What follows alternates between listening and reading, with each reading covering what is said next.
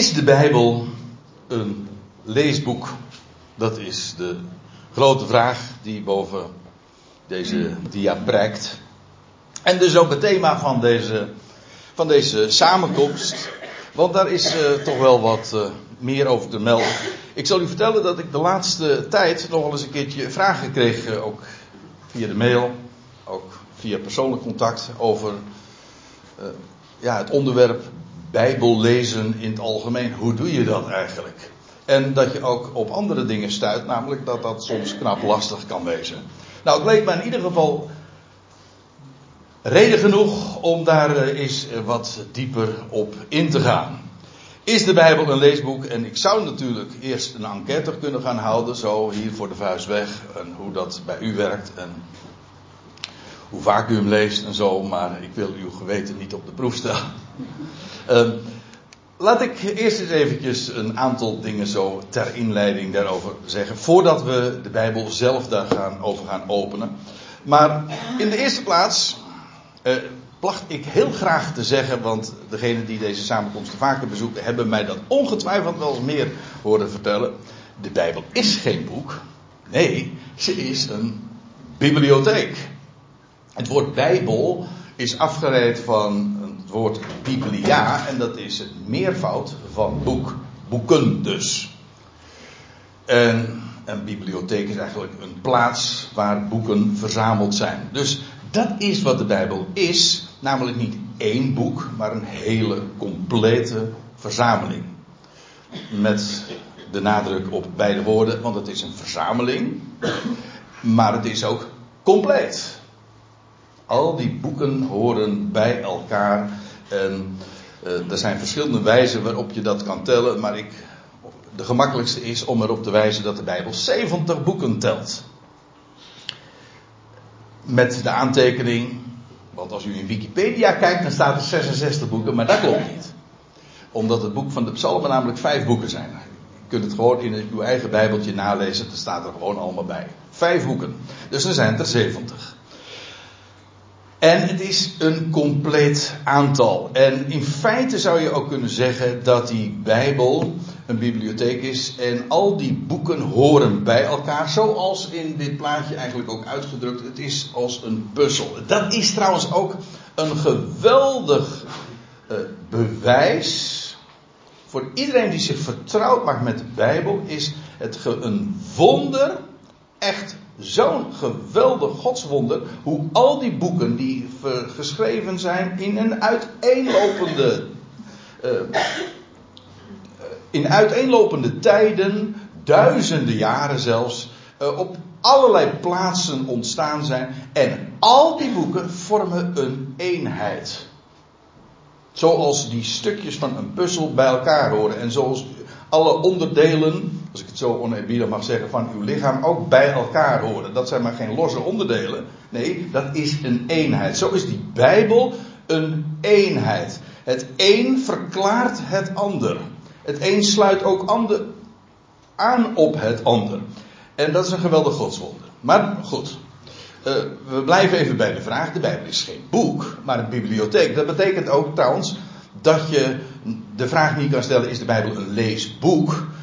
Bepaalde boeken lenen zich heel erg goed om gewoon te lezen. En om ook trouwens direct verstaan te worden. Daar heb je zelfs eigenlijk niet eens een inleiding voor nodig. Hele, uh, het boek van de Psalmen bijvoorbeeld is daar bekend om.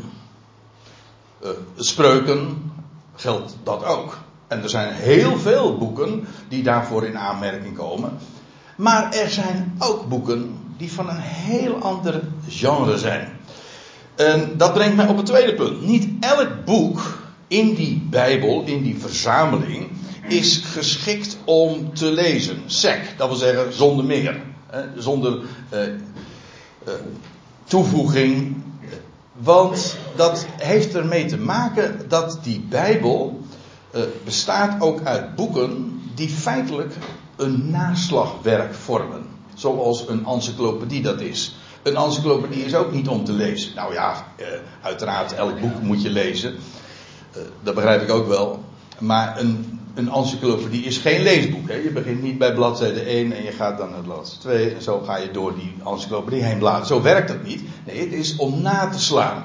Hoe was dat ook alweer? Ik weet niet of u, uh, ja, wat uw gewoonten zijn en wat uw achtergrond is.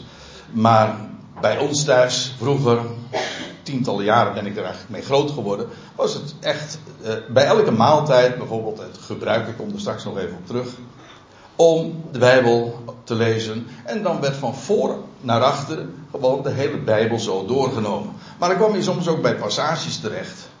Uh, ik noem maar wat, uh, de eerste acht, negen hoofdstukken van Kronieken. Daar is geen doorkomen aan. Want het zijn namelijk allemaal eh, verzamelingen of lijsten van namen, genealogieën, geslachtsregisters. Nou, dat is buitengewoon nuttig om te raadplegen, maar niet om zomaar te lezen. Om uh, s'avonds een meditatief moment nog te hebben voordat je gaat slapen of s morgens bij het wakker worden of om de dag mee door te komen. Daar is het gewoon niet voor geschikt. Daar is het ook niet voor bedoeld. Trouwens, uh, er zijn ook boeken die, uh, die eigenlijk ook niet uh, in aanmerking komen om leesboeken genoemd te worden, omdat ze namelijk echt bedoeld zijn en bestemd zijn om te bestuderen. En feitelijk durf ik te zeggen dat heel de Bijbel een verzameling studieboeken zijn. Namelijk bedoeld om te onderzoeken. Ook daar komen we straks nog even op terecht. En ook natuurlijk, je kunt zeggen, een studieboek lees je ook. Ja, als je hem niet leest, dan kun je niet studeren. Maar studeren is meer dan natuurlijk alleen maar lezen. Want als je studeert en onderzoekt, dan lees je de zin en je kijkt nog een keertje, je kijkt de onderdelen, welke woorden worden hier gebruikt. En, en dan maak je aantekeningen en dan verwijs je en dan kijk je naar de voetnoten. Dat is niet een gewone roman natuurlijk die je zomaar even leest. Dus ja, dat is ook een aantekening die ik daarbij maak. Niet elk boek is zomaar geschikt om te lezen. Dat is ook een waarschuwing, want er worden soms wel eens een keer van die verhalen verteld van ja, ik, lees uh, de Bijbel van, van kaft naar kaft. En dat is een hele prestatie ook, dat zal ik u vertellen. Ja, sommige mensen heerlijk om te. Nou, ik, ik, ik, spreek daar geen oordeel over uit. Maar ik durf te beweren. Uh, dat dat voor in ieder geval lang niet alle mensen geldt. Dat je zomaar de Bijbel met gemak van de eerste naar de laatste bladzijde leest. Want sommige uh, hoofdstukken, sommige boeken, zelfs, uh, zelfs verzamelingen boeken of delen uh, of verschillende boeken bij elkaar. Daar moet je echt doorheen worstelen als, als je het gewoon leest. Daar heb ik nog een aantekening.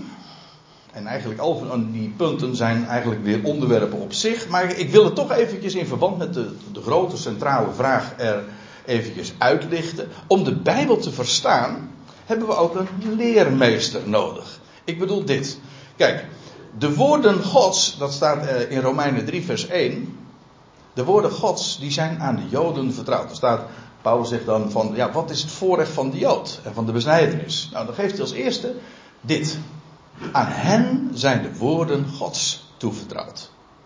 In feite is deze hele Bijbel een complete bibliotheek die eigenlijk uh, deel uitmaakt van, de, ja, van het volk Israël. Aan hen is het gegeven. Sowieso die hele, het grootste gedeelte, de Hebreeuwse Bijbel, ons Oude Testament, is geschreven in het Hebreeuws. Nou, en misschien met uitzondering van een groot gedeelte van het boek Genesis, is alles geschreven in de tijd ook van Israël. In het Hebreeuws. Het verraadt een Hebreeuwse, Joodse, Israëlitische achtergrond. Het geeft ook voor een groot gedeelte de vaderlandse geschiedenis van Israël weer. Om dat te verstaan als mensen die niet Hebreeuws zijn, die niet Joods zijn, niet Israëlitisch zijn, mensen uit de natieën, nou, daar komt heel wat bij kijken. Daar heb je echt iemand voor nodig die jou daarin de weg wijst. Een leermeester, een onderwijzer, iemand die vertelt hoe het zit. Een, zeg maar een gids. En dat is het geweldige van die Bijbel. Wij hebben ook zo'n gids. En die gids heet Paulus. Hij zegt ook in, in, ik noem hier het vers, maar er zijn meer schriftplaatsen waarin daarop gewezen wordt. Hij zegt, ja, God heeft mij gemaakt en gesteld tot een heraut, maar ook tot een onderwijzer, een leraar, een leermeester van de natie. En als je de Bijbel wil begrijpen, dan zul je echt bij hem in de leer moeten gaan, anders je het niet verstaan. Dat is een heel belangrijk punt. Dat is, uh, ja, is eigenlijk. Heb u wel eens het woord hermeneutiek gehoord? Hermeneutiek, dat is een theologisch vak en dat wil zeggen uitlegkunde. En dit is een van de allerbelangrijkste beginselen van de uitlegkunde. Als je de schrift wil verstaan, recht wil verstaan, dan moet je bij Paulus beginnen en wezen. Hij wijst ons de weg, ook in heel de Bijbel. In zijn brieven verwijst hij naar de schriften. En hoe we die schriften hebben te verstaan, wij als mensen die niet Joods zijn, ja, dan moet je bij hem wezen, want hij vertelt daarover. Een prachtig onderwerp, maar ik laat dat nu verder even rusten. Alleen, het is wel heel belangrijk dat wanneer je de Bijbel leest en onderzoekt, dat je je licht opsteekt bij Hem. Dan heb ik nog iets, en dat is ook een heel mooi onderwerp. Maar het moet toch even gezegd worden, als je de Bijbel leest, dan is het ook buitengewoon belangrijk dat je een goede, betrouwbare vertaling hebt. En u zegt, oh, dat is die groot nieuwsbijbel. Dat is, die ga ik hem dan meteen morgen eens aanschaffen. Nou, zo bedoel ik het eigenlijk niet. Want eh, heel veel van zulke populaire vertalingen, nieuwere vertalingen, moderne vertalingen, die je helemaal ter wille zijn als het gaat om taalgebruik en modern, lekker vlot. Je hebt allerlei soorten uh, vertalingen, de een naar de ander verschijnt daarin. Maar dat zijn vaak geen betrouwbare vertalingen. Of je wordt opgezadeld feitelijk met, in, met vertalingen met de, met de theologische visie van de vertalers. Of, ja, of er worden woorden gebruikt die weliswaar al een heel lang, uh, een lange traditie hebben. En die ook het hele gevoelen van de christelijke wereld uh, weergeven. Maar die absoluut onbetrouwbaar zijn. Ik noem één voorbeeld dat in deze samenkomsten geen verrassing is. Maar het is wel een woord uh, waar je iedere keer op stuit. Bijvoorbeeld het, woord, het vertaalwoord eeuwigheid. Als je een Bijbel hebt waarin gebruik gemaakt wordt van dat woord eeuwigheid. Dan heb je een groot probleem, zal ik u vertellen. Gewoon als je hem leest. Want dan word je via het lezen opgezadeld met een idee, of met ideeën en met concepten, die absoluut juist ingaan tegen de oorspronkelijke bedoeling. Als je dan leest over een eeuwige straf, dan denk je als lezer, als Nederlandse lezer, van zo'n begrip, oh dat is eindeloos. Als je weet, zou weten wat er echt staat, dat het te maken heeft met eeuw, met een tijdperk, dan krijg je ineens een heel ander idee. Ook dat is dus van belang. Ik geef nu één voorbeeld, maar ik zou er tig kunnen geven, echt. Meer dan 19 dus, ja. Van voorbeelden allemaal die aangeven hoe belangrijk het is om een betrouwbare weergave. Want ja, de Bijbel is geschreven niet in het Nederlands, eh, maar in het Hebreeuws, in het Grieks. En ja, ja, als je die talen niet machtig bent, en wie is dat wel? Dan heb je dus een vertaling nodig. Maar uiteraard is het dan van belang dat die vertaling ook betrouwbaar is. Ziet u, dat zijn nogal wat hobbels, hè? Voordat je dus tot die, tot die Bijbel komt. En dat uh, de, die Bijbel hier aan de rechterkant, die kan ik u trouwens wel aanbevelen. Een concordant literal New Testament, dat is dan Engels, maar er zijn ook Nederlandse weergaven. Concordant, letterlijk. Dat wil zeggen, die zo betrouwbaar mogelijk, woord voor woord, uh, bij, je bij de schrift brengen. Bij het origineel. Kijk, want dat is wat van belang is. Ja, heb ik nog een aantekening. Die ik eigenlijk ook een beetje maak om vanwege mijn eigen achtergrond. En uh, velen van u zullen dat wel herkennen. Uh, ik noem het hier even een protestantse rozenkrans. Die uitdrukking heb ik zelf even eh, bedacht. Maar het idee is eigenlijk dat je in, als je een rooms-katholieke achtergrond hebt, ja, dan ken je het ritueel van de, de rozenkrans. Voor mij is dat vrij vreemd, maar in ieder geval van die kettingjes, u kent het wel. En dan, uh, dan bid je zoveel keer, ik weet niet eens hoeveel, maar allemaal kralen. En dan, uh, dan bid je een keer uh, het Onze Vader en een weesge groetje en nog wat. Maar in ieder geval, dat is eigenlijk een heel ritueel gebeuren. Onnadenkend, ik heb daar verhalen over gehoord van, van Rooms-Katholieke mensen. Nou, dan hadden ze een rozenkrans en dan gingen ze weer achter elkaar dat allemaal reciteren en heel snel zeggen. En dan kon je weer een kraaltje verder. Nou, als je dan die hele ketting gehad had, dan, dan had je je plicht gedaan. De protestanten hebben dat niet. Die hebben geen rozenkrans. Nee, maar Bijbel lezen heeft voor veel protestanten wel ongeveer diezelfde gevoelswaarde, diezelfde betekenis. Want ja, je moet de Bijbel toch elke dag lezen. En ik had het zojuist over het gebruik uh, om aan tafel altijd de Bijbel te lezen. En dat vind ik heel lastig, een tricky onderwerp om dat nu aan te snijden. Omdat ik me zomaar hierin verstap. Dat weet ik heel goed. Want ik, laat ik eerst even iets heel positiefs daarover zeggen. Het is, als ik ook nu spreek ik een beetje uit persoonlijke ervaring, maar ik weet dat er velen zijn die dat wel kunnen beamen. Als dat de gewoonte is waar je mee groot geworden bent, dan heeft dat een enorm voordeel dat je van jongs af aan al vertrouwd raakt met die hele Bijbel en met de geschiedenissen die daarin staan, dus verschillende genres. Ehm, en zelfs als een groot uh, gedeelte uh, van het voorlezen aan je voorbij gegaan is doordat je gewoon geen aandacht hebt. Ik bedoel, als je een warme maaltijd net opgenuttigd uh, hebt, dan ben je meestal niet helemaal in de uiterste concentratie om je te richten op dat wat er verteld wordt. Ook ik spreek nu weer uit ervaring, ja.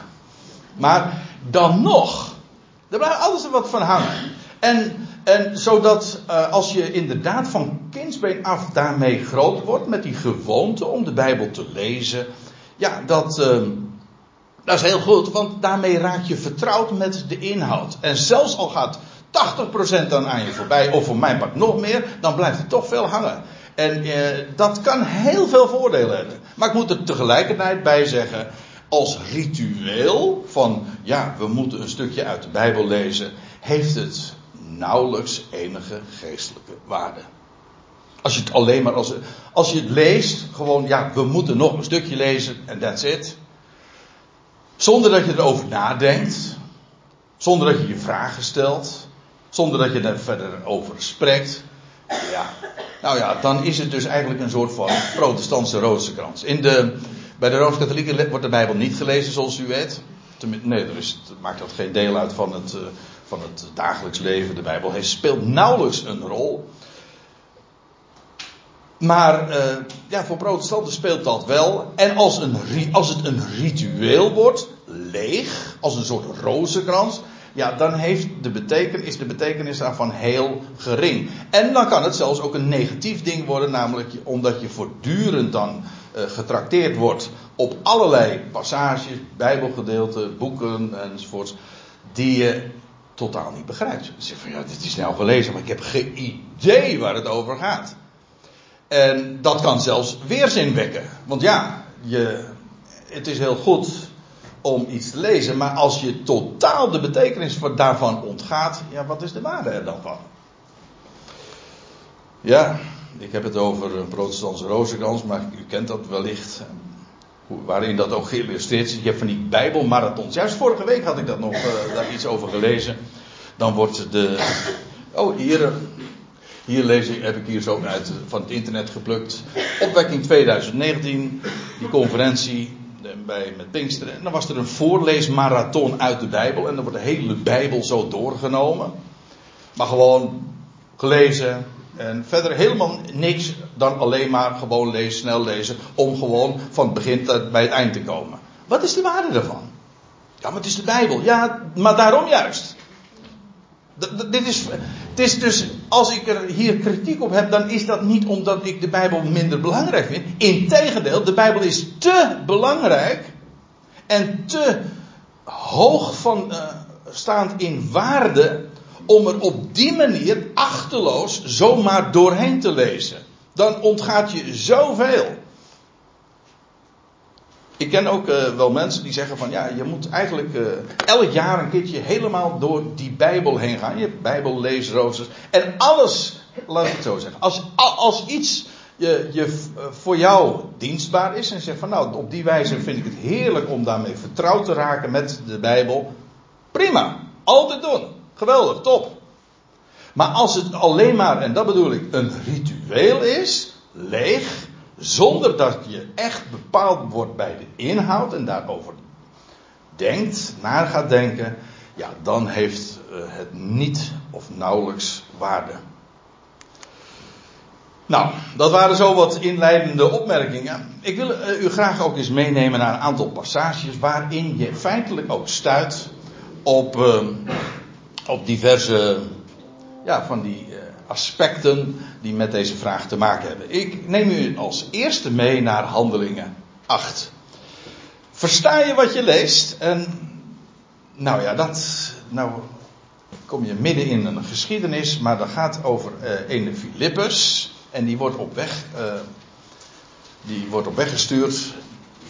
En die ontmoet dan een man. En dan staat er in vers 27 dit. En let op, een man, een Ethiopiër. Een eneug. Uh, wat is een eneug? Ja, dat is iemand die gecastreerd is. En die gaat over de harem van de. Uh, nou ja, een harem, ja. Uh, en die dus niet ongevaarlijk is. Maar ook een, macht, uh, een, een eug, een machthebber. In de Bijbelse, de gewone vertalingen wordt het genoemd een kamerling. En er staat erbij een machthebber van Kandake. Uh, dat zij was de koningin van de Ethiopiërs. En hij was ook nog eens een keer minister van Financiën, want hij ging over haar hele schatkist. En hij was gekomen om te aanbidden in Jeruzalem. Vermoedelijk was hij een proseliet. Daarom ging hij naar Jeruzalem, naar de tempel.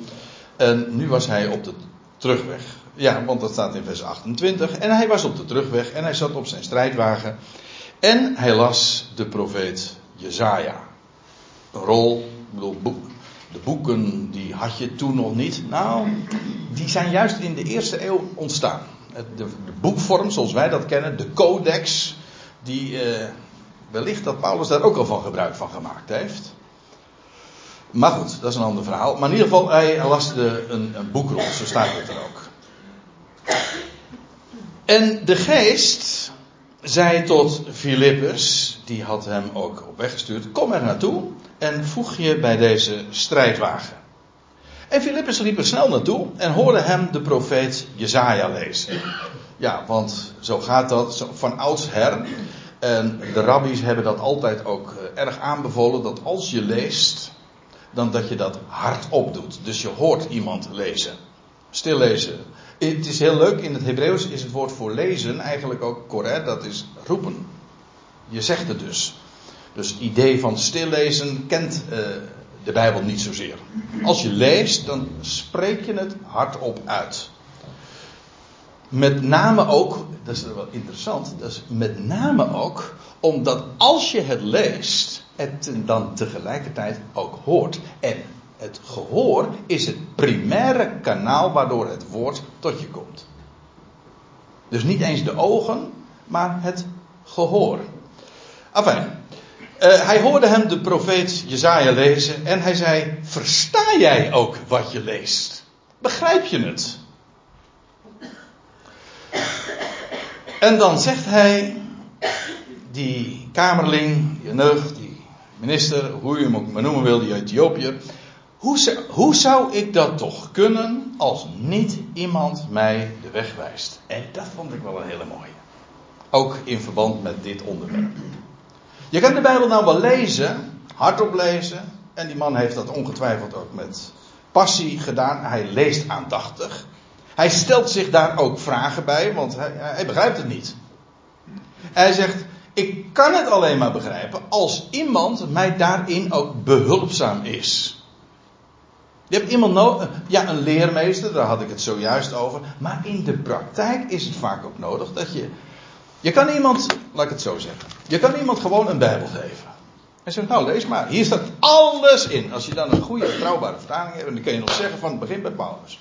Ja, uh, in theorie kan dat. En ik zeg ook niet dat het nooit gebeurt.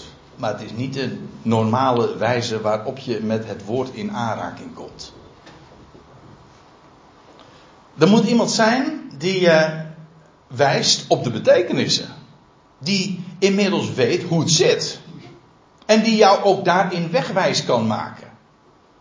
En die, deze, deze Ethiopiër, die vraagt dat dus, of, uh, of die, ja, die stelt de retorische vraag aan, aan Filippus van ja, uh, wat je leest. Er zal mij dan toch echt iemand behulpzaam in moeten wezen om, om mij daarin de weg te wijzen. En dat is ook zo. Je hebt iemand nodig die je, en wie dat dan ook is, maar iemand die die je inderdaad kan vertellen van zo zit dat. En dan is het maar te hopen natuurlijk dat dat ook betrouwbare informatie is en dat je daarin echt de weg gewezen wordt. Maar in ieder geval, je hebt daarvoor iemand nodig die je de weg wijst. Nou, die Ethiopiër, die, van hem lezen we dan en hij moedigde Filippus aan in te stappen bij hem en te gaan zitten naast hem. Het tekstgedeelte nu van de schrift dat hij las was dit. Daar hebben we het de vorige keer over gehad. In een heel ander verband. Dat was Jesaja 53. Dat is zo'n markante profetie over de Messias. Als de Messias zou komen, zou hij dit zijn. Dan zou er dit met hem gebeuren. Ongelooflijk indrukwekkend.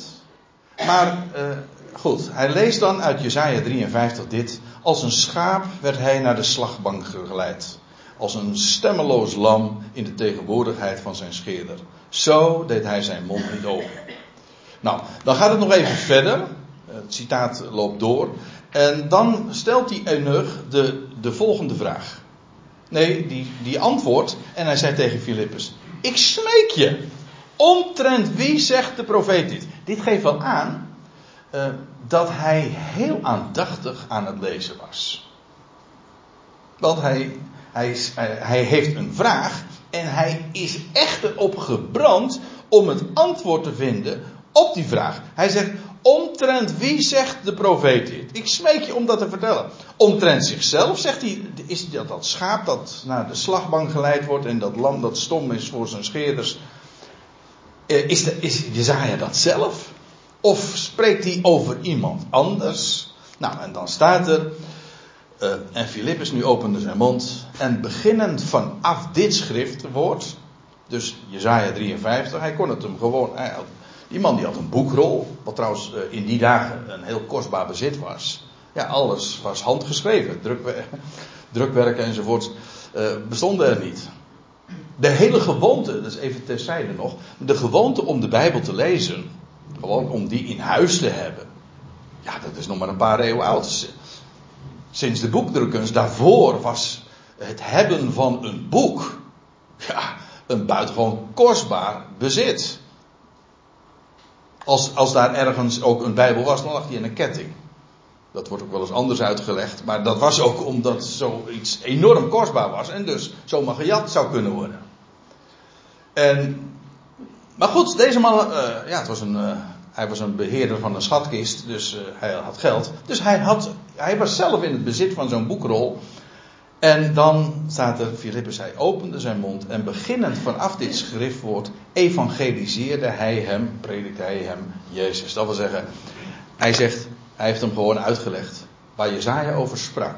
Eeuwen terug is een aankondiging van hem die inmiddels, toen de tijd nog maar zeer recent tevoren was gekomen. En die volledig beantwoordt aan dat wat voor hem voorzegd was.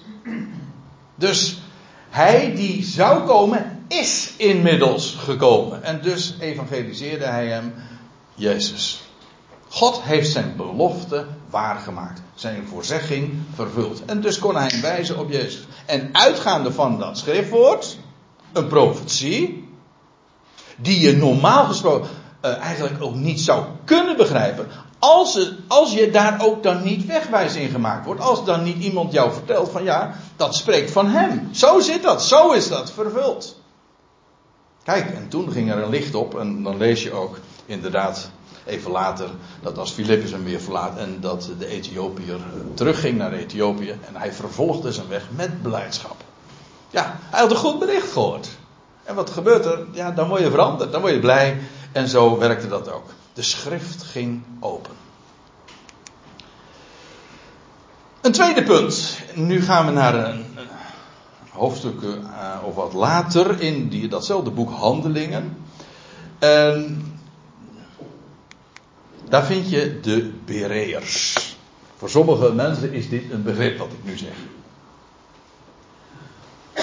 En ik denk terecht. Kijk, Paulus was dan uh, zojuist in uh, Thessalonica geweest, het huidige Saloniki, daar in Griekenland, Macedonië. En vervolgens was hij uh, op doorreis gegaan naar Berea, dat lag daar vlakbij. En dan staat er, maar deze in Berea, die waren edeler dan degene in Thessalonica. Dat wil zeggen, die hadden iets voor, een eigenschap wat de Thessalonikers niet hadden. Uh, hoezo? Nou, daar zij het woord ontvingen. Ja, maar dat deden velen in Thessalonica ook. Met alle bereidwilligheid. Dat wil zeggen, ze waren bereid om te luisteren naar wat er gezegd werd.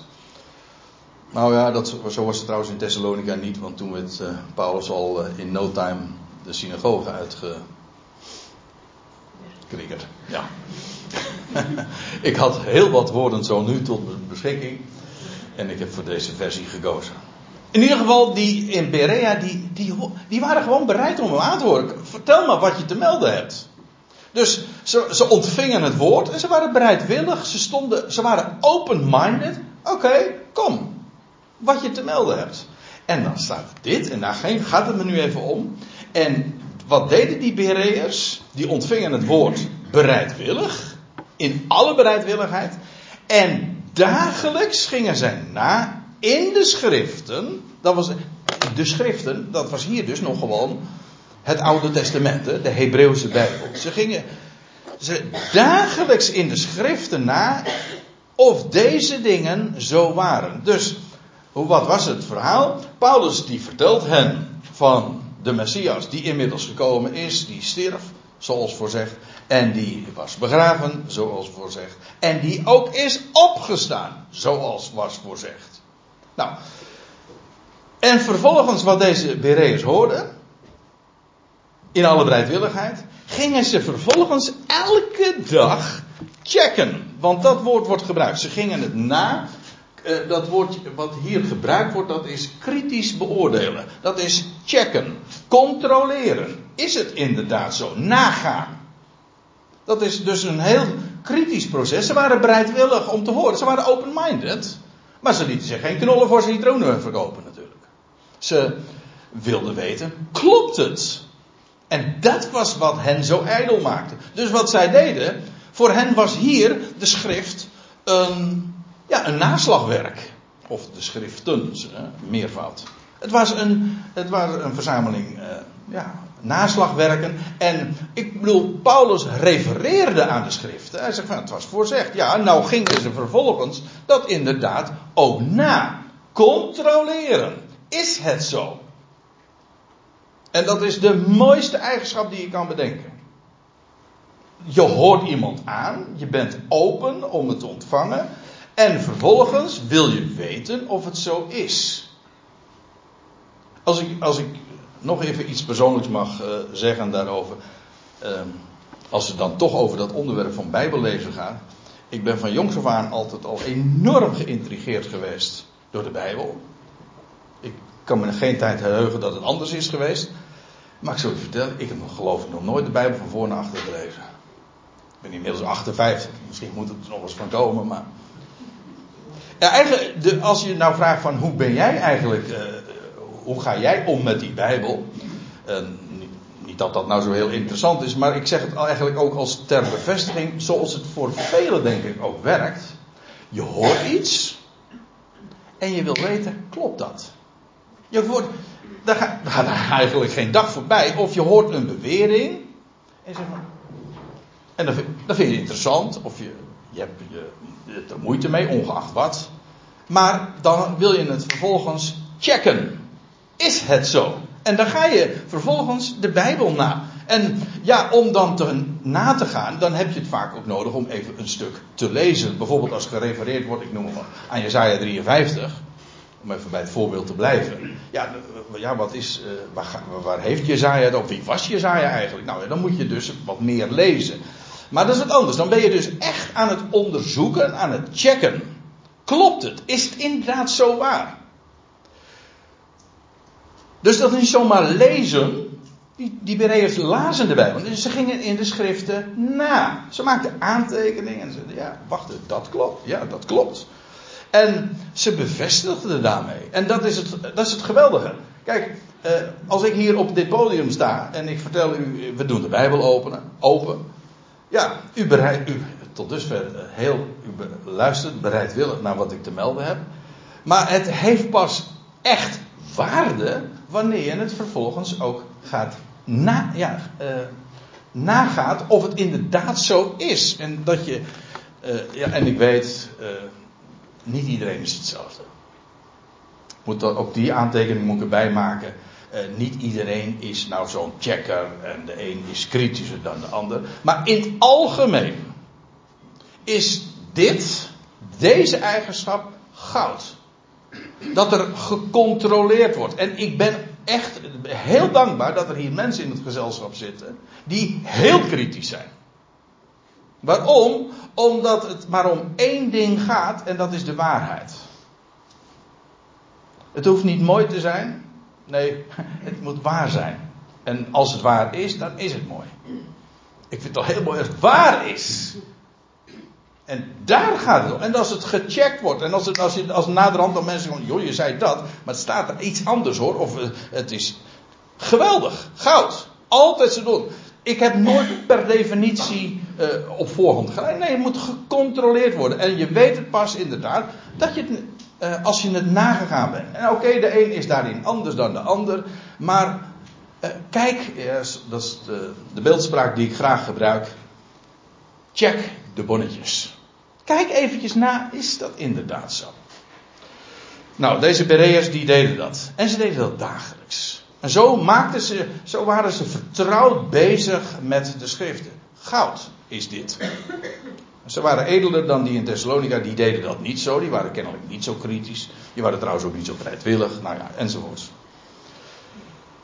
Nagaan, checken, controleren. De schriften onderzoeken. Johannes 5, nog iets.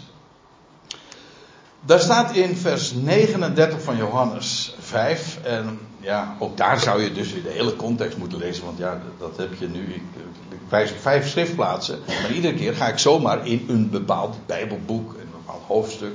Terwijl dat ook weer in een context staat. Goed, als je deze context leest, dan zie je dat Jezus op dat moment in een, een keiharde confrontatie is met de leidslieden in Jeruzalem. Ik bedoel de geestelijke leidslieden. Zeg maar de, de theologen van zijn dagen. En, die, als ik zeg dat ze het niet met hem eens waren, dan is dat een understatement. Want het is uh, veel te eufemistisch. Veel het, was veel sterker. Het was een enorm, massieve tegenstand. Moet je nagaan. Mensen die professioneel altijd maar bezig waren met de Bijbel. Ze hadden hun status zelfs aan wat toen nog het Oude Testament was, uh, daaraan te danken. En ze waren er altijd mee bezig. En maar dan zegt Jezus dit. Onderzoekt de schriften. Omdat jullie menen daarin eeuwig leven te hebben. Dat was trouwens op zich terecht. U ziet het, eeuwig leven. Dat is het leven van die toekomende eeuw. Uh, omdat jullie menen daarin eeuwig leven te hebben, was dat onjuist? Uh, nee, dat is op zich juist, maar dan word je natuurlijk wel geacht om uh, te lezen wat er staat en ook te bereid zijn te geloven wat daar staat. Ik lees het de zin nog een keer. Onderzoek de schriften. Omdat jullie menen daarin eeuwig leven te hebben en die, schriften namelijk, die zijn het die getuigenis geven aangaande mij. Dus als je wil, als je echt met die schrift bezig zou zijn en die serieus zou nemen, dan zou je bij mij uitkomen. Het loutere feit dat jullie je verzetten tegen mij geeft aan dat je die schriften niet echt onderzoekt. Ook al ben je daar professioneel en theologisch altijd mee bezig. En ik zal u vertellen, er zijn er ook vandaag velen, om niet te zeggen veruit de meerderheid van de mensen die, uh, die bezig zijn met de Bijbel, is een harde uitspraak die ik doe, maar die is dan geheel voor mijn rekening. Maar mensen die bezig zijn met de Bijbel en zelfs al zijn ze, al zijn ze dokter of theoloog of professor daarin, er geen bal van begrijpen. Echt helemaal niks. Ja, dat is triest. Maar niet nieuw hoor. Want uh, ik zou zeggen, kijk het maar eens na in Johannes 5. Daar, is, daar vindt ook die confrontatie plaats. Waarom? Wel, als je die Bijbel wilt begrijpen, dan zul je ook werkelijk die Bijbel serieus moeten nemen. En ook de sleutels die ze aandraagt om haar te openen, moeten gebruiken. En als je dat niet doet, dan blijft die Bijbel gewoon een gesloten boek. Ook al noem je het een openbaring. En dat is het grote probleem. Die Bijbel reikt ons inderdaad sleutels aan. Als, die, als je die sleutels laat liggen, dan zul je niet kunnen begrijpen. Sterker nog, die Bijbel op het moment dat je hem niet serieus neemt, dan sluit die Bijbel zich tegelijkertijd. Ook als je er altijd bij bezig bent. En ik ken daar heel veel voorbeelden van. Niet alleen maar hoe dat werkt, maar ook van personen waarbij ik dat gewoon ook gewoon zie. Dat komt. Die Bijbel laat zich alleen verstaan voor degene die serieus neemt. Die het serieus neemt wat daar echt in staat. En, en daar, daar stokt het al. Dat mensen bijvoorbeeld die Bijbel lezen en, en die, die zien het als een losse verzameling van onderdelen. En die niet zich, de Bijbel zichzelf laten uitleggen. En dus niet bijvoorbeeld het boek Genesis gebruiken om openbaring te begrijpen. Ja, dan zal je het niet verstaan. En dan ga je op eigen houtje verder. En dan heb je gewoon de verkeerde afslag genomen en dan verdwaal je. Op voorhand. Kan niet missen. Trouwens, er staat hier ook wat de heer Jezus tegen hen zegt. Nota bene theoloog. Theologen, ik zal u ook trouwens dit vertellen, nog eventjes iets. Theologen, in het algemeen, dat is onaardig wat ik zeg, maar het is eigenlijk een vaststelling. Theologie is niet zozeer bezig met het onderzoeken van de Bijbel. Maar ze onderzoeken dat wat over de Bijbel gezegd is. Dat is echt waar. Dan kun je, je kunt bijvoorbeeld uh, promoveren op Luther of op Augustinus of weet ik veel welke theoloog. Dan dan, en wat doe je dan? dan ben je, en dan ben je dokter in de theologie. En dan heb je dus je, uh, je titel ontleend aan het feit uh, dat je studie gemaakt heeft wat die of die of professor X of kerkvader zo gezegd heeft over de Bijbel. Dan ben je niet, ik ken heel wat mensen die uh, op een gegeven moment gegrepen. Ja, ik heb daar verschillende voorbeelden wel van. Uh, zou ik daarvan kunnen geven. Van mensen die op een gegeven ogenblik erg gegrepen worden door de Bijbel. Helemaal geweldig. Weet je wat? Er zijn jonge mensen. Ik ga theologie studeren. Dan ben ik altijd bezig met de Bijbel. Dat is de foutste keuze die je ooit kan maken. Echt waar. Ook daarvoor kan ik trouwens voorbeelden.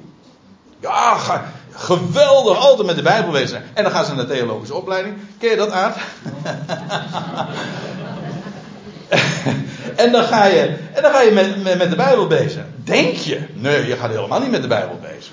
Ah, als die Bijbel al gelezen wordt, dan laten ze die schrift zichzelf niet uitleggen. En meestal laat men, uh, bestudeert men mensen die er over de Bijbel hebben geschreven. Men is bezig, uh, men spreekt niet vanuit de schrift. Dat is echt Bijbelstudie. Dat je leest de schriften zelf onderzoekt. Nee, men onderzoekt mensen die zich bezig gehouden hebben met de Bijbel. En dus men onderzoekt, men spreekt over de Bijbel. Je moet niet over de Bijbel praten. Je moet vanuit de Bijbel praten. Wat zegt die schrift nou? Over geleuterd is er al genoeg. Op hoog niveau, dat wel. Maar blijf leuteren. En wat hier staat, onderzoekt de schriften. En eigenlijk is het een, een, een aansporing die, Paul, die Jezus hier doet, is van, ga nou eens een keertje de schrift onderzoeken. Jullie denken dat je daar altijd mee bezig bent, maar het is niet zo. En bovendien, als je echt die schriften zou onderzoeken, dan zou je weten dat het waar is wat ik zeg. En het loutere feit dat jullie daar tegen staan, betekent dat je, dat je die schrift niet echt onderzoekt. Let er ook trouwens op dat hij zegt, niet lees de schriften. Er staat nergens in de Bijbel lees de schriften. Ik, heb ooit, ik was ooit eens een keertje op een conferentie in Zwolle, dat daar een, eh, een Engelsman, een Jood, uh, dat ook zei. Hij zegt, ik, zo'n 30, 35 jaar geleden, dat hij zei, weet je dat er nergens in de Bijbel staat? Lees de schriften. Er staat, onderzoekt de schriften. Ja. Dat gaat, hè? Dus het liedje is fout, lees je Bijbel. Lees je Bijbel, bid elke dag, ja. Nou, ik wil niet te veel van jullie afpakken hoor.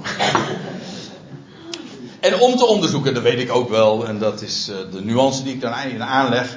Uh, zoals gezegd, als je onderzoekt, dan moet je toch inderdaad wel eerst lezen. Dat is waar. Maar het gaat erom, onderzoek die schriften. Dat is de echte waarde en zo kom je erachter en dan ontdek je, ontdek je ook mooi hè. Onderzoeken, wil, het zijn mooie woorden, onder, je zoekt onder de oppervlakte. Het ligt niet aan de oppervlakte. Kijk, als je leest, dat is feitelijk oppervlakkig.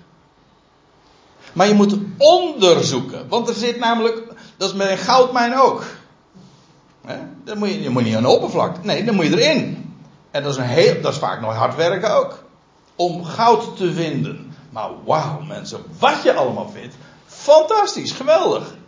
Kijk, onderzoeken en dan ontdek je ook. Dan moet de bedekking weggenomen worden, of dan wordt de bedekking weggenomen, en dan ontdek je geweldige dingen. Heb ik nog eentje, openbaring 1, daar wil ik kort over zijn. Daar, het boek begint zo. De openbaring. Lees. Hè? Gelukkig. Ja, ja, ja, ja. Goed gecontroleerd, ja. Maar ik, ik, zei al, iemand die onderzoekt, die moet ook wel eerst lezen natuurlijk. Je, iets onderzoeken zonder het te lezen, dat bestaat niet. Maar alleen lezen is niet. Eh, gelukkig, dat is leuk trouwens, dat, zoals het hier staat. Gelukkig is hij, dat is de inleiding van het boek, de intro van uh, de, het boek De Openbaring. Gelukkig is hij die leest. Dat is enkelvoud hij dus voorleest. En degene die horen. Dat is meervoud. Ik zei al, uh, dat horen, uh, gehoor, de oor, uh, het oor, is de primaire bron van geloof. Geloof, zegt Paulus in Romeinen 10, vers 17. Geloof is uit gehoor. Zo komt het woord tot je. En in de praktijk is dat voor de verreweg de meeste mensen ook het geval. Ik zei al, je kunt de Bijbel, je kunt zomaar iemand geven en hier, alsjeblieft, heb je het. Lees het maar. Veel plezier en veel genoegen en succes daarmee. Nee. Je hoort het. En er staat trouwens nog iets bij. Gelukkig is hij die leest. En degene die horen de woorden van de profetie, de voorzegging. En de dingen die daarin geschreven staan, bewaart. Meestal is lezen niet uh, bewaren, maar dat is eigenlijk weer vergeten. Je gaat er gewoon overheen en een minuut later ben je het weer kwijt. Nee, lezen, horen, erover nadenken, vragen stellen, checken, controleren. Zo bewaar je het, zodat je het niet vergeet. Lezen is eigenlijk, dat is trouwens ook wel leuk, lezen is eigenlijk verzamelen. We kennen een uitdrukking ook in verband met aren lezen. Dat deed Rut. Die ging aren lezen. Maar wat lezen is het oud-Nederlands voor verzamelen. Dus je, je verzamelt. Eigenlijk, eigenlijk bij, Bijbel onderzoeken, de schriften onderzoeken, dat is aren lezen. Dat is brood. En dat verzamel je. Ja. Bewaren, waar ze? Gewoon hier, in je hart. Zo zo lees je dat van uh, Maria ook. Ze hoorde de woorden van de boodschapper en uh, ze bewaarde ze in haar hart. En er staat erbij, overleggende wat het betekenen mocht. Dan ga je na en zeg goh, zou, zou het dit zijn? En dan heb je het dus met een ander, zou, zou dat, dat mee bedoeld worden? En zo. Je overweegt de dingen. Nou, en dan tenslotte naar 2 Petrus, nee 2 Timotheus 3. Paulus' geestelijk testament. Het is een brief die hij geschreven heeft vlak voordat hij geëxecuteerd zou worden. Je leest dat ook in, uh, in deze brief. En deze brief is, heeft een enorme. Daar gaat een enorm appel van uit. Het is een heel aangrijpende brief. Een persoonlijke brief aan zijn jonge medewerker, jongere medewerker Timotheus. En dan zegt hij dit. Maar jij. Hij voorzegt al dat er uh, de christenheid in algemeen bergafwaarts zou gaan. En dan zegt hij, maar jij, iedere keer, maar jij. Het gaat is niet meer, kijk, van, van de massa heb je het niet te verwachten. Die gaat toch wel zo. En als je niks doet, ga je daar gewoon in mee, hè? dat u weet het. Als je, met een rivier, als je niks doet en, en, je, je, je, zwemt in een rivier of je drijft in een rivier, je doet niks, je zegt, ja maar ik verander niet. Nee, maar je gaat, die stroom gaat, je gaat gewoon met de stroom mee. Alleen een levende vis gaat tegen de stroom in. Maar jij, blijf in de dingen die je leerde en bevestigd werd. Bewust bij wie je leerde. En dat doelt hij niet alleen maar op zijn moeder en grootmoeder, Elise en. Oh, Lois. Nee, ik zat er denk ik aan Priscilla, maar dat was, nee, dat was weer een ander, ja. uh, ja, dat waren de moeder en grootmoeder. Daar had hij het van. En dan sta, uh, maar ook van Paulus natuurlijk. Hij zegt, dus het is maar niet alleen maar, je hebt het geleerd, maar je hebt het ook van, van iemand geleerd. Waar uh, dat woord ook zijn werk in gedaan heeft. En dan lees ik even verder. En ook zegt hij dan tegen Timotheus dat je van kindsbeen af de heilige schriften hebt waargenomen. Wauw, dat is geweldig. Als je zo groot geworden bent, lang niet iedereen heeft die achtergrond. Er zitten hier ook mensen in de zaal die zeggen van ja, ik ben er pas op uh, latere leeftijd mee in aanraking gekomen. En, en, en dan heb je nog een hele inhaalslag. Hè? Want als er dan gerefereerd wordt aan, aan personages, ken je dat fenomeen, uh, Kim? Uh, weet je, dan wordt er gerefereerd aan geschiedenissen, aan, aan, aan nou ja, allerlei bijbelboeken. Het volstrekt vreemd, weet je, je kent het niet. Het is trouwens opmerkelijk dat als je echt interesse hebt, dat je in no time ook die inhaalslag kan maken. Maar goed, Timotheus had het voorrecht dat hij van kindsbeen af, van jongs af aan, de verhalen kende, de geschiedenissen, vertrouwd was met de schrift. Hij zag die schrift altijd. Er werd uit gelezen, er werd uit geleefd. Het was gewoon, het was zijn leven. Van kindsbeen af de heilige schrift hebt waargenomen. En er staat erbij die je wijsheid vermogen te geven. Dat is geweldig man. Wat voor uitzicht de schrift geeft. Dat is echt wijsheid. Overzicht. Je wordt op een toren gezet. Dat is het woord filosofie. Hè? Sophie. Sophia. Sophie heeft eigenlijk te maken met een, met een uitkijktoren. Waardoor je uitzicht en overzicht hebt. Dat is wijsheid. Die wijsheid vermogen te geven tot redding. Door geloof dat in Christus Jezus is. Nee, daar ga ik even aan voorbij. Het is te mooi om, uh, om dat nu uh, maar kort aan te stippen. Maar lees even verder. Elk geschrift, door God geïnspireerd, is ook nuttig. Kijk, het, het idee is deze. Dat Paulus die wijst op uh, Timotheus op die heilige schriften die hij van kindsbeen aan kende. Dat, waren, dat was gewoon de Hebreeuwse Bijbel, het Oude Testament. Dat kende hij. Maar nou zegt Paulus, ja, maar elk geschrift door God geïnspireerd is ook nuttig. In die dagen van Paulus waren er weer, in die eerste eeuw, zijn er weer een heleboel geschriften bijgekomen. Ook geïnspireerd. Er staat letterlijk het, een woord, uh, God geblazen, inspireren, dat heeft maar het woordje spirit in, maar dat betekent eigenlijk blazen. En als God blaast, dan geeft hij ook leven. Moet je maar eens aan Adam vragen. Die werd genomen uit de stof van de aarde en God blies in hem en alzo werd Adam een levende ziel. Dat is leven. Dat, de schriften in zijn geheel zijn levend. Ze zijn geïnspireerd. Al die woorden, elk geschrift dat wat is opgeslagen, is geïnspireerd. Levend, krachtig, wijsheid geven. Nou, alles. Levend, ja. En daarom ook nuttig. Ja, voor welk. Nou, er worden hier vier doeleinden genoemd: tot onderwijzing. Gewoon om onderricht te worden. Om te weerleggen. Daar is die schrift ook uitermate geschikt voor. Hoe het wel zit. Weerleggen, dat is een, als je het woord letterlijk neemt, ook in het Grieks, betekent dat je het opnieuw weerlegt. Dat je het dus bevestigt. Je legt opnieuw wederlegging. En, zodat het gewoon volstrekt vast komt te staan. En zodat, het, zodat je ook waarheid van leugen kan onderscheiden. Het corrigeert ook. Je wordt in de schriften voortdurend hervormd in je denken.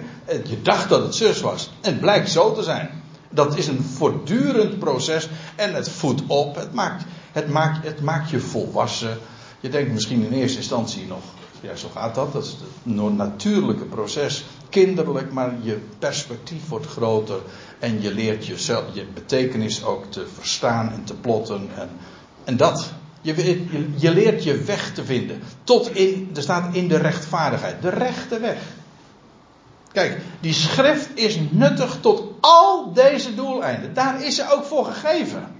Ga ook niet. Ik hoorde laatst nog iemand zeggen, iemand die trouwens zeer hoog heb, zegt van ja, het gaat om die brieven van Paulus. En dat is helemaal waar. Maar vergis je niet, alle schrift. Dus dat geldt voor heel de Bijbel. We beginnen bij Paulus, maar we blijven niet bij Paulus. Juist via Paulus komen we in heel de schrift uit. Al die schrift is nuttig tot onderwijzing, tot weerlegging, tot correctie, tot opvoeding in rechtvaardigheid. Dat wil zeggen om de rechte weg daarin te vinden. Opdat de mens Gods toegerust zou zijn. Dat is dus wat die schrift ook doen. Ze maken je uh, uitgerust. Ja, uh, niet alleen maar in de zin van dat je er rust bij vindt. Maar ook ze rusten je uit in de zin van dat je voldoende bewapend bent. Hè, zoals, de mens van God, die oriënteert zich op die levende woorden Gods. En nou wil ik nog één dingetje erover zeggen. Uh, in dit verband. En dat is dat er niets, dat er geen tijd is geweest waarin de schriften zo e enorm tot ons komen en zo eenvoudig ook tot ons komen. Als je in het verleden, ik, zelfs 100 jaar geleden, je wilde weten hoe het er precies stond, geschreven, dan moest je de weg in naar de bibliotheken weten te vinden. En zo. Dat was een heel proces. Als, je, als iemand een bepaalde bewering deed, dan, kun je gewoon, kon je dat misschien in je eigen Bijbel nog nagaan. Maar om te weten hoe het precies in het origineel was, ja, daar, dat was een enorm traject. Nu, in de laatste 20, 30, 40 jaren, is het eenvoudiger dan ooit tevoren om de schriften te verstaan. De ik bedoel, ik pak een mobiel en ik kan zo wat er in, in de grondtekst staat en ik kan woord voor woord allemaal uh, checken. Dat is onvoorstelbaar hoe eenvoudig dat vandaag is. In een interlineair programma kan ik ook zeer, zeer aanbevelen. Gewoon om bij die schrift uit te komen.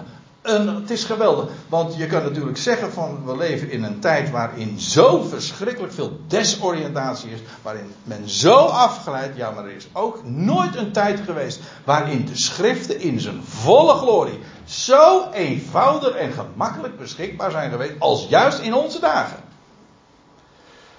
Daar wijst Paulus trouwens ook op uh, in, in deze brief. Dat het in de laatste dagen zo zou zijn opdat de mens Gods toegerust zou zijn tot alle goed werk volkomen toegerust, toebereid. Dat is wat die schriften doen. Die schriften zijn ook een bron. Daarom dat plaatje ook. Het is een naslagwerk, het, zijn studieboeken, maar het is ook een bron van levend water. Waar je kracht vindt, uitzicht, gewoon alles wat je nodig hebt, dat is wat de schriften zijn. Dus ja, de vraag: is de Bijbel een leesboek? Uh, ja, misschien in ten dele, maar de Bijbel is bovenal die levende bron. Nou, zo hoop ik dat we na een uur uh, toch wat wijzer geworden zijn in deze. Ik stel voor dat we met elkaar nog een lied gaan.